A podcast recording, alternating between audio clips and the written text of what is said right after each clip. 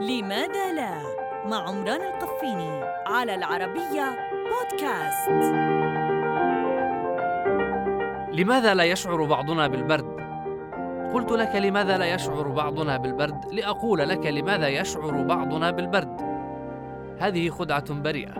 بعض أسباب البرد مرضية مثل الإصابة بالإنفلونزا أو السكري.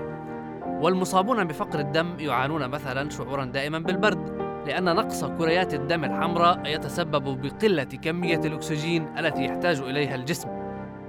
أيضا يجد من يعاني ارتفاعا في ضغط الدم أو انخفاضا أن القدمين واليدين تكونان باردتين، ذلك أن كمية الدم تصل إلى الأطراف.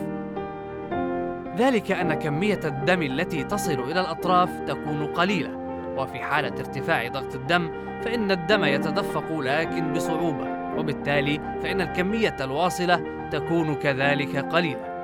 ولذلك يشعر المصاب بالبرد أكثر من الأصحاء. الأسباب أكثر من ذلك بكثير. أضيف إليها قبل أن تقفل التطبيق فقدان الشهية العصبي وارتفاع مستويات هرمون الأستروجين عند النساء كما يمكن أن يكون السبب نقص فيتامين بي 12 ما يسبب شعورا بالبرد.